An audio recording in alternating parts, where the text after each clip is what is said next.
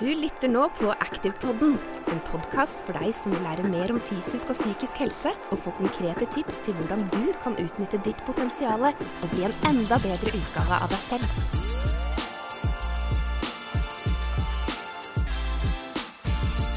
Der er vi i gang igjen med en ny episode av Active-podden. Hjertelig velkommen til deg som hører på eller ser på. Du finner episodene også på YouTube eller andre kanaler som, eh, der, der det på en måte er en sånn slags videofunksjon. Eh, men eh, for deg som hører på, husk å abonnere på oss i podkastspilleren og del gjerne episoden med noen som du vet kan ha nytte av den. Og i dag så har vi en skikkelig kul episode. Eh, fordi at vi har fått storfint besøk, eh, må vi kunne si. Eh, vi har fått inn en person som jeg vil si er først og fremst en utrolig god formidler. Alltid veldig blid og glad og positiv person. Og så er det en fremifrå fagperson. Klinisk ernæringsfysiolog, doktorgrad i ernæring og eh, har veldig sånn sammensatt og variert arbeidserfaring innenfor fagfeltet vårt. Eh, hjertelig velkommen til Tine Sundfør. Tusen hjertelig takk. Man kan jo ikke bli mer annet enn blid av denne introduksjonen her. Ja, det er fint. Det var hyggelig eh, at du ville ta turen hit, Tine. fordi at eh, eh, akkurat nå så er det jo eh, snart midten av desember. Mm -hmm det er en periode som eh, liksom kulminerer litt i masse jobb og stress og styr. Og, ikke sant? og man liksom spurter inn eh, på tampen av året, og så, snart skal vi liksom smelle inn i juleferiemodus. Eh, skru helt av. Kose oss masse, selvfølgelig. Det er jo superviktig. Og bare innpå med masse god mat. så jeg tenkte at vi skulle snakke litt om eh, kosthold og, og matinntak i, nå gjennom jula. Mm. Eh, hva tror du om det?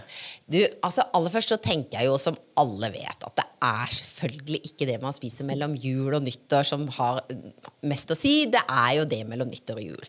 Men når det er sagt, så er det jo sånn at det, jeg tror vi er veldig mange som kjenner på at den jula blir jo ikke bare fra julaften til nyttårsaften. Eh, jeg i hvert fall ser at vi har begynt med litt småbaking hjemme, og butikkene de fylles opp av både det ene og det andre. Og så er det jo også sånn at så, så, Derfor så begynner det gjerne i desember, og så fortsetter det til, gjennom hele jula, og da blir det ofte mye til sammen. Men det viktigste tenker kanskje jeg er at akkurat nå så er det veldig viktig, som du også sier, Ola, at vi skal kose oss. Og vi skal nyte det å være sammen, i den grad vi får lov til det akkurat nå.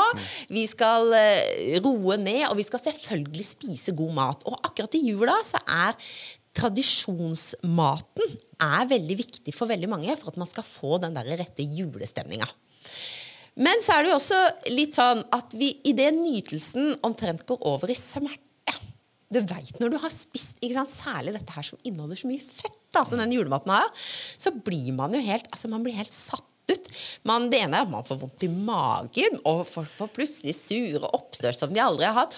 Og vi ligger liksom sånn at vi nesten holder på å omkomme på den der sofaen. Når vi egentlig har lyst til å ha energi til, om ikke annet, å være med på å spille et spill, så tenker vi sånn Nei, jeg tror ikke jeg orker det.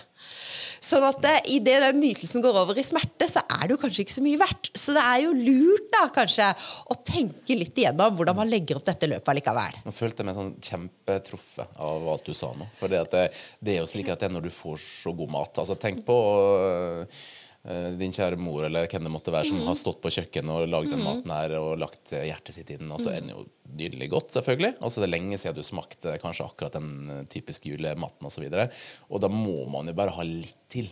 Ikke sant? Absolutt. Og det er jo en grunn til at jeg forklarer dette her med innlevelse. Det er jo fordi jeg kjenner på det selv òg. Jeg er ikke noe annerledes jeg enn folk flest, selv om jeg har en utdanning som klinisk ernæringsfysiolog. Så er det det første jeg lærte å si faktisk etter mamma og pappa, det var 'mat er godt'. Ja, ja. Så jeg er et matvrak og elsker mat, og det har jeg tenkt å fortsette med. Og det håper jeg at alle andre gjør også. Eh, men det er jo litt ikke sant, at hvis vi tenker tilbake da, på hvordan har disse tradisjonene kommet, så kom jo de til landet vårt en gang der sult og fattigdom og for lite mat var en del av hverdagen vår. Og da handla jula veldig mye om det der at det, nå skulle vi faktisk kunne overspise og meske oss litt. Og det var jo litt sånn den gangen så var det jo litt sånn helsemessig noe folk nesten trengte. For de var utarma, og underernæring var et problem. Mens i dag, i 2021, så vet jo både du og jeg at eh, det har skjedd veldig store endringer. Sånn at hvis vi ser på Nå skal vi ikke snakke så veldig mye overvekt og pekefingre her, men i dag er det 70% av befolkninga som sliter med overvekt og fedme. Og det er jo ikke fordi mannen i gata har blitt dum eller har mista viljestyrken sin eller ikke skjønner sammenhengen. Det er fordi at vi fortsatt har en appetittregulering som er sånn som den var for tusenvis av år siden, som forteller oss 'spis da vel', spis da vel! Og så er det mat tilgjengelig hele tiden. Nettopp. Og den der eh, belønningssystemet vårt som eh, jubler hver gang du får mm. eh, feit og sukkerholdig mat, mm. det er jo ganske skummelt. Og det er klart, det, det er jo en grunn til at så mange sliter med overvekt. Det er jo fordi at det, det er altså veldig stor tilgang, selvfølgelig. Altså, du, du, har jo tilgang til mat overalt. Og at det, den si, Hjernen vår er rigga for å sette mm. pris på det. Mm. Um, men, men altså det, jeg føler at det, okay, det her er jo et generelt problem gjennom hele året for mange. Men mm. nå når vi går inn i jula, så føler jeg at mange også øker inntaket av spesielt to uh, næringsstoff, om vi skal si det, da, nemlig mm. sukker og fett. Gjerne metta fett. Ja, Og det er jo ikke bare noe du føler, det er jo faktisk gjort studier som viser oss akkurat det. Men jeg er jo sånn veldig opptatt av at vi skal prøve å tenke liksom, i positive baner. Det vet jeg dere er også, når vi snakker om dette med, med kosthold og helse. Og en av de tingene som har egentlig slått meg når jeg har begynt å tenke gjennom dette, her, er jo at det er jo også egentlig veldig mye bra mat. Mat som er bra for kroppen vår, som er en del av jula. Hvis vi liksom begynner, da, så har du på en måte sitrusfruktene. Altså, det er ingenting som nesten lukter mer jul enn det å skrelle en klementin eller en appelsin. Og det lukter i hele huset. Og dette her kan vi jo benytte oss av. Altså, et etter disse her tunge julemiddagene, så er det jo noe med at det som veldig ofte smaker best, det er faktisk en litt sånn syrlig, frisk fruktsalat. Mm. Sånn at det behøver jo ikke å bety at nå skal det ikke finnes kaker lenger, men start med at du også lager en fruktsalat ved siden av. I Tyskland er tradisjonen etter på julaften det er en sånn veldig sånn finsnitta appelsin- og eplesalat. Og den har jeg faktisk importert fra en venninne. Sånn at den er ikke istedenfor det tradisjonelle, men den kommer litt i tillegg til. Mm. Så har du nøttene. Det er også for meg veldig sånn typisk jul. Mm.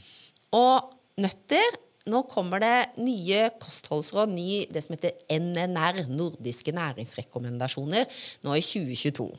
Og nå kan du jo ta meg på dette, da, da kommer jeg tilbake igjen hvis det ikke stemmer. Men jeg tør å påstå at en av de tingene som kommer til å bli mer vektlagt i de nye kostholdsanbefalingene, det er viktigheten av å spise nøtter. Fordi vi ser at en håndfull med nøtter om dagen, det bidrar veldig positivt, spesielt i forhold til hjertehelse. Litt også i forhold til hjernen skal vi snakke om i en annen episode, vet jeg. Mm. Men i hvert fall nøttene. Derfor ta det inn i jula. Kos deg med nøtter. Det å sitte og knekke nøtter er jo helt genialt, fordi det er ekstra julekos. Og så tar det så lang tid å knekke de nøttene at du gidder ikke spise så mye mer enn det som er passelig. Mm. Jeg bruker også nøtter som utgangspunkt når jeg lager mye av liksom, litt sånn den der julekosen før jul. For eksempel bruker jeg valnøtter og dypper i mørk sjokolade. Verdens enkleste ting å lage. De ser så lekre ut. Så bare legger du de opp på et matpapir eller bakepapir til å tørke, og så putter du på et glass. Veldig lekker julekos. Brente mandler, der er det selvfølgelig sukker, men det er liksom nøtten som utgjør tross alt hoveddelen. Får du med deg nøttene. Det å også uh, bruke litt nøtter sånn på toppen av som vi om i sted, desserter og sånne ting. Og også litt sånne kaker hvor man baker inn f.eks. med mye nøtter. altså sånn som Kransekake er jo liksom et bedre valg, for det er mye nøtter istedenfor at det er mye hvitt hvetemel og, og, og, smør. Mm. Sånn at her går det an å Det fins mange tradisjonelle ting som er godt. Kål, rødkål, jeg lagde akkurat nå, jeg starta litt sånn julekos forrige helg. da, vet du. Og da var, hadde vi egentlig bare et standard kyllingbryst som eh, min mann, stakkars, han må ut og grille selv om det er minus 12, tror jeg det var. For jeg syns det alltid er best når det har vært på grillen. Da er det han som må ut. Så da hadde vi kyllingbryst, og så hadde jeg lagd en rødkålsalat med appelsin og eple og masse finsnitt av rødkål.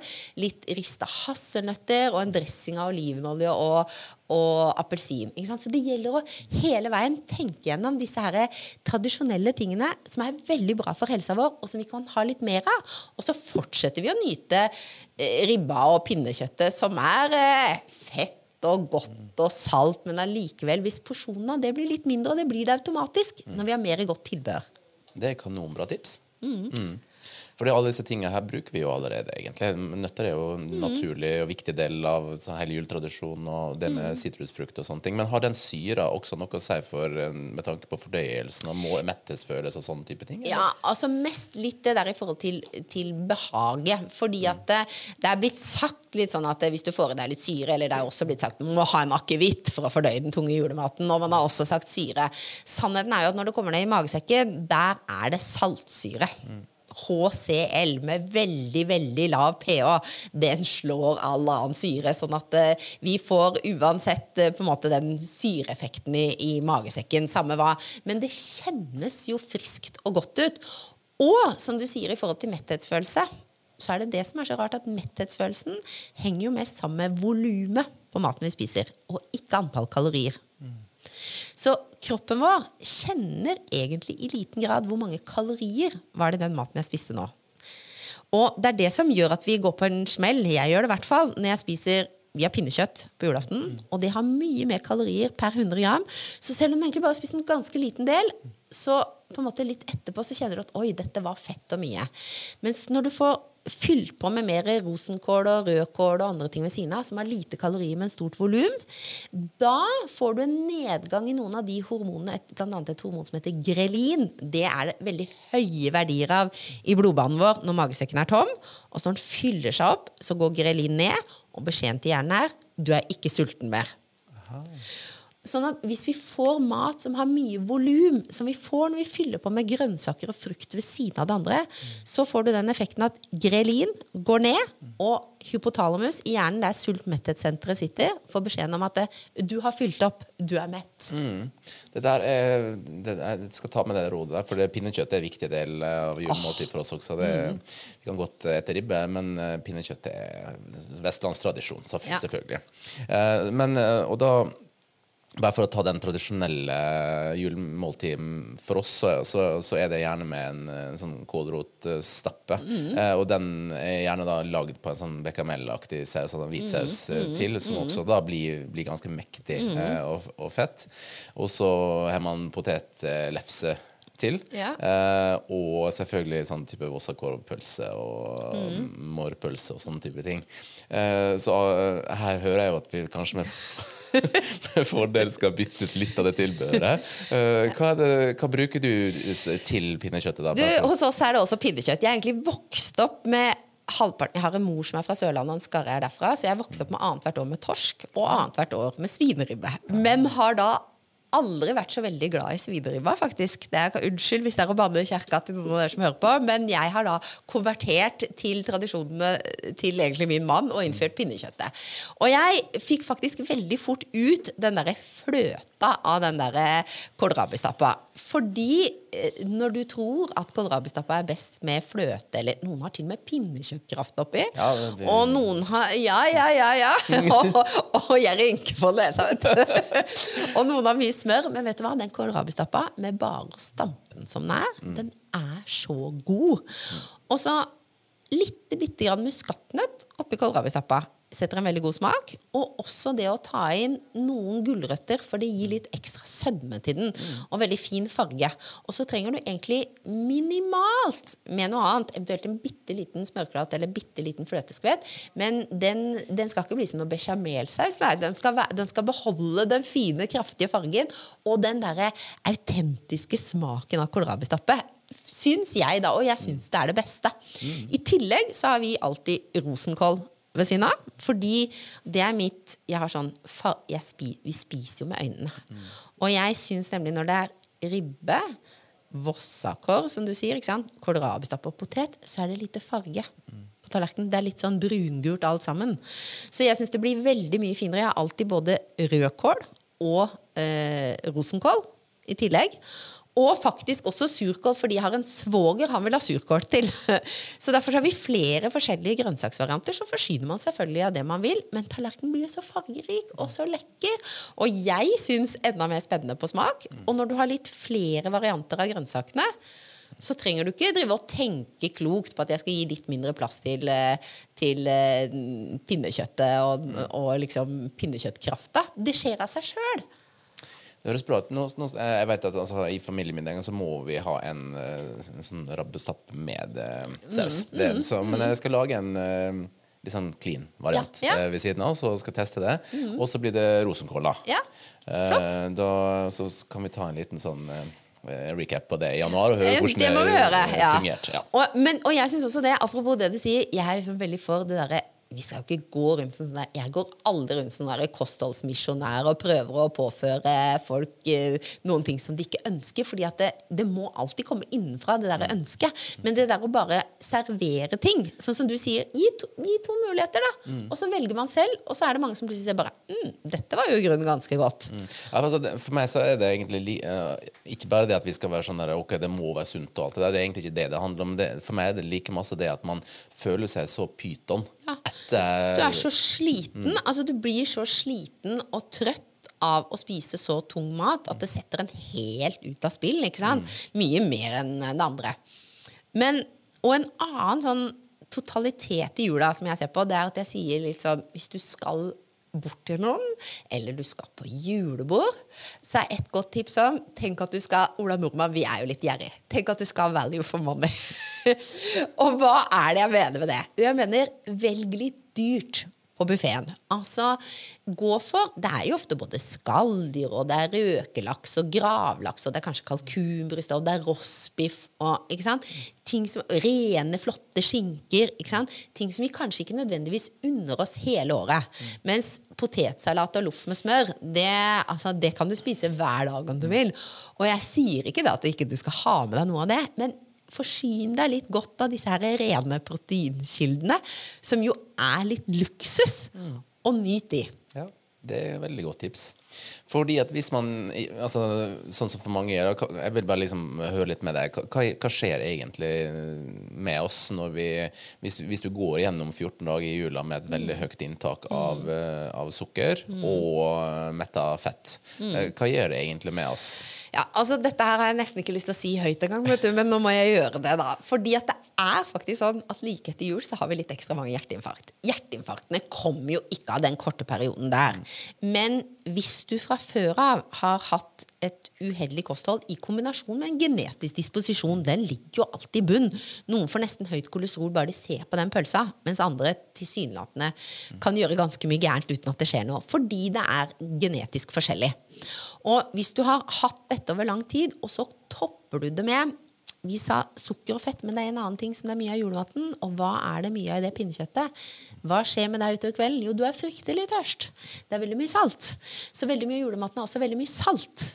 Eh, så kombinasjonen av det kan på en måte gi en sånn ekstra negativ effekt på at det da kan Sette, sette seg en, en propp i den åren. Men jeg syns ikke folk skal gå rundt og begynne å bekymre seg for hjerteinfarktet. Men det som er et faktum, er at hvis du måler kolesterolet ditt i begynnelsen av januar, så tør jeg å påstå at eh, igjen, det er gjort studier her også, at man ser at folk har høyere kolesterol enn resten av året. For kolesterolet vårt det endrer seg i løpet av bare to til tre uker. Så ved å spise mer metta fett i to til tre uker, så får du høyere kolesterol. Men selvfølgelig, det endrer seg også tilbake igjen i løpet av to til tre uker. Så igjen, da. Hvis du resten av året vet at du spiser sunt og, og balansert, så for all del dette her skal ikke være noe pekefinger og dårlig samvittighetspodkast. altså, det veit jeg jo. Ja, ja, ikke sant? Mm. Men da, da endrer det seg tilbake. Men det er som du sier, det derre ubehaget. Og det er faktisk sånn at ved å spise så mye metta fett, så vil kolesterolet ditt, det som kan avlære seg på innsiden av årene, da, det blir høyere allerede i løpet av så kort tid. Og så er det klart at det der med å få i seg såpass mye sukker ikke sant? Det har ikke noen sånne umiddelbar effekt på at liksom å, nå får du diabetes eller noe sånt. Det er faktisk ingen vist en sammenheng mellom sukker og diabetes direkte. Det er mellom overvekt og fedme og diabetes at vi ser sammenhengen. Men det er klart at ved å spise så mye sukker og så mye metta fett, så er det nok særlig det at man merker det på dagsform og overskudd. Og vi har, som du starta så innledet så fint med Ola, så starter vi nå opp med ganske sånn, mange av oss hektisk inn mot jul. Vi trenger en ferie. Høsthalvåret er ganske tøft, for det er ingen feriedager. Så vi trenger å få lov til å hente oss inn igjen, og vi ønsker å komme tilbake igjen på jobb med litt mer overskudd enn vi forlot jobben med. Og da er det noe med at hvis vi stort sett har blitt sittende mye inne, og vi har spist mye sukker og fett, så føler vi oss mer slitne enn noen gang. Mm. Og det tror jeg de fleste har kjent på at hvis man sier sånn åh, jeg er så sliten, og så tar du en søndag på sofaen, føler du deg mindre sliten?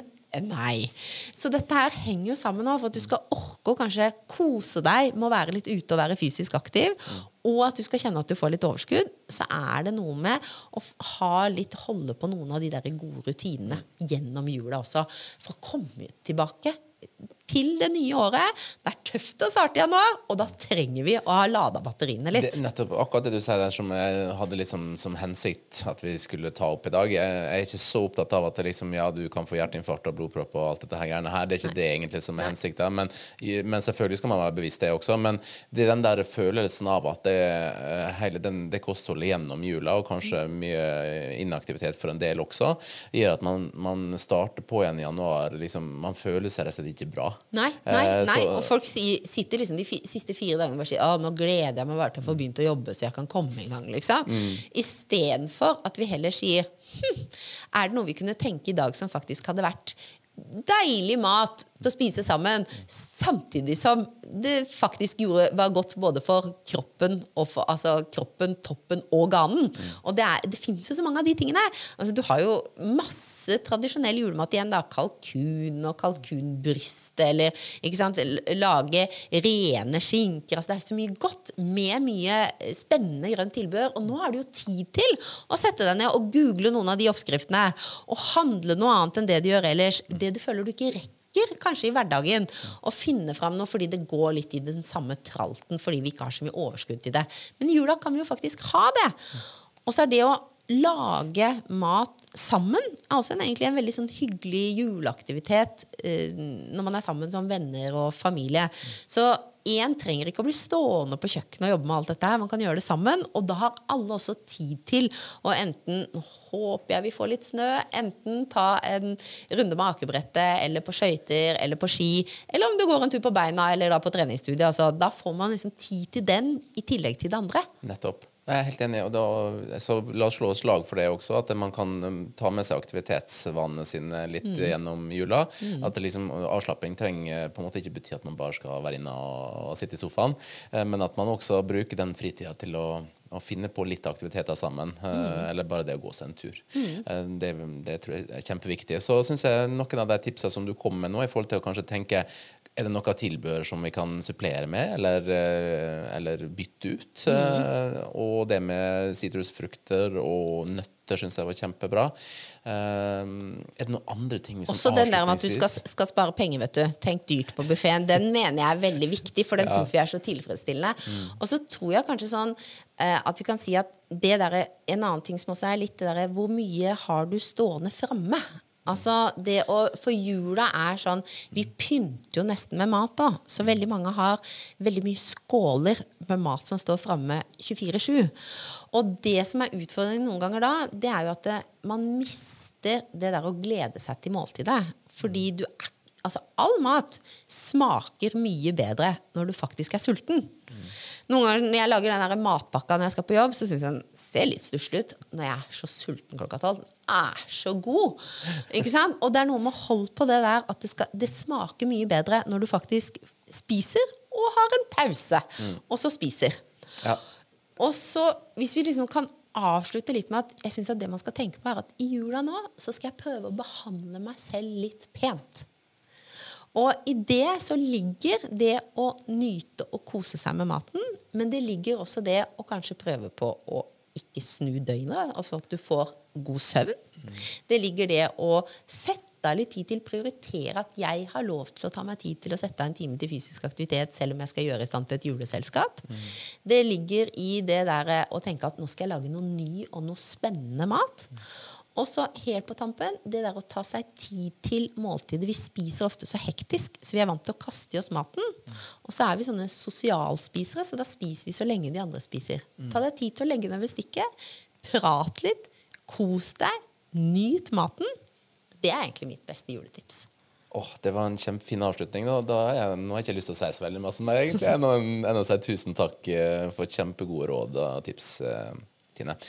Og det som er fint eh, nå, det er at etter vi har spilt inn denne episoden her, så skal vi spille inn en episode til som skal komme i januar. Eh, og den skal hete Mat for hjernen. Så nå tok vi litt sånn mat, eh, mat i jula først nå, og så skal vi ha Mat for hjernen etterpå. Så hvis du likte det du hørte nå, som Tine snakka om, så vil du garantert like det vi skal snakke om i neste episode, så jeg anbefaler å sjekke inn igjen da når vi kommer på nyåret igjen med en ny episode om mat for hjernen. Tusen takk for at du tok deg tid til å komme, Tine, og riktig god jul. Tusen takk. God jul. Takk for det. Liker du det du hører? Husk å abonnere i din podkastspiller. Vi setter stor pris på at du gir oss en rating og deler episoden med en venn. Gjennom at vi sammen sprer kunnskap og inspirasjon, bidrar vi til et felles løft for folkehelsen i Norge. Takk for at du bidrar.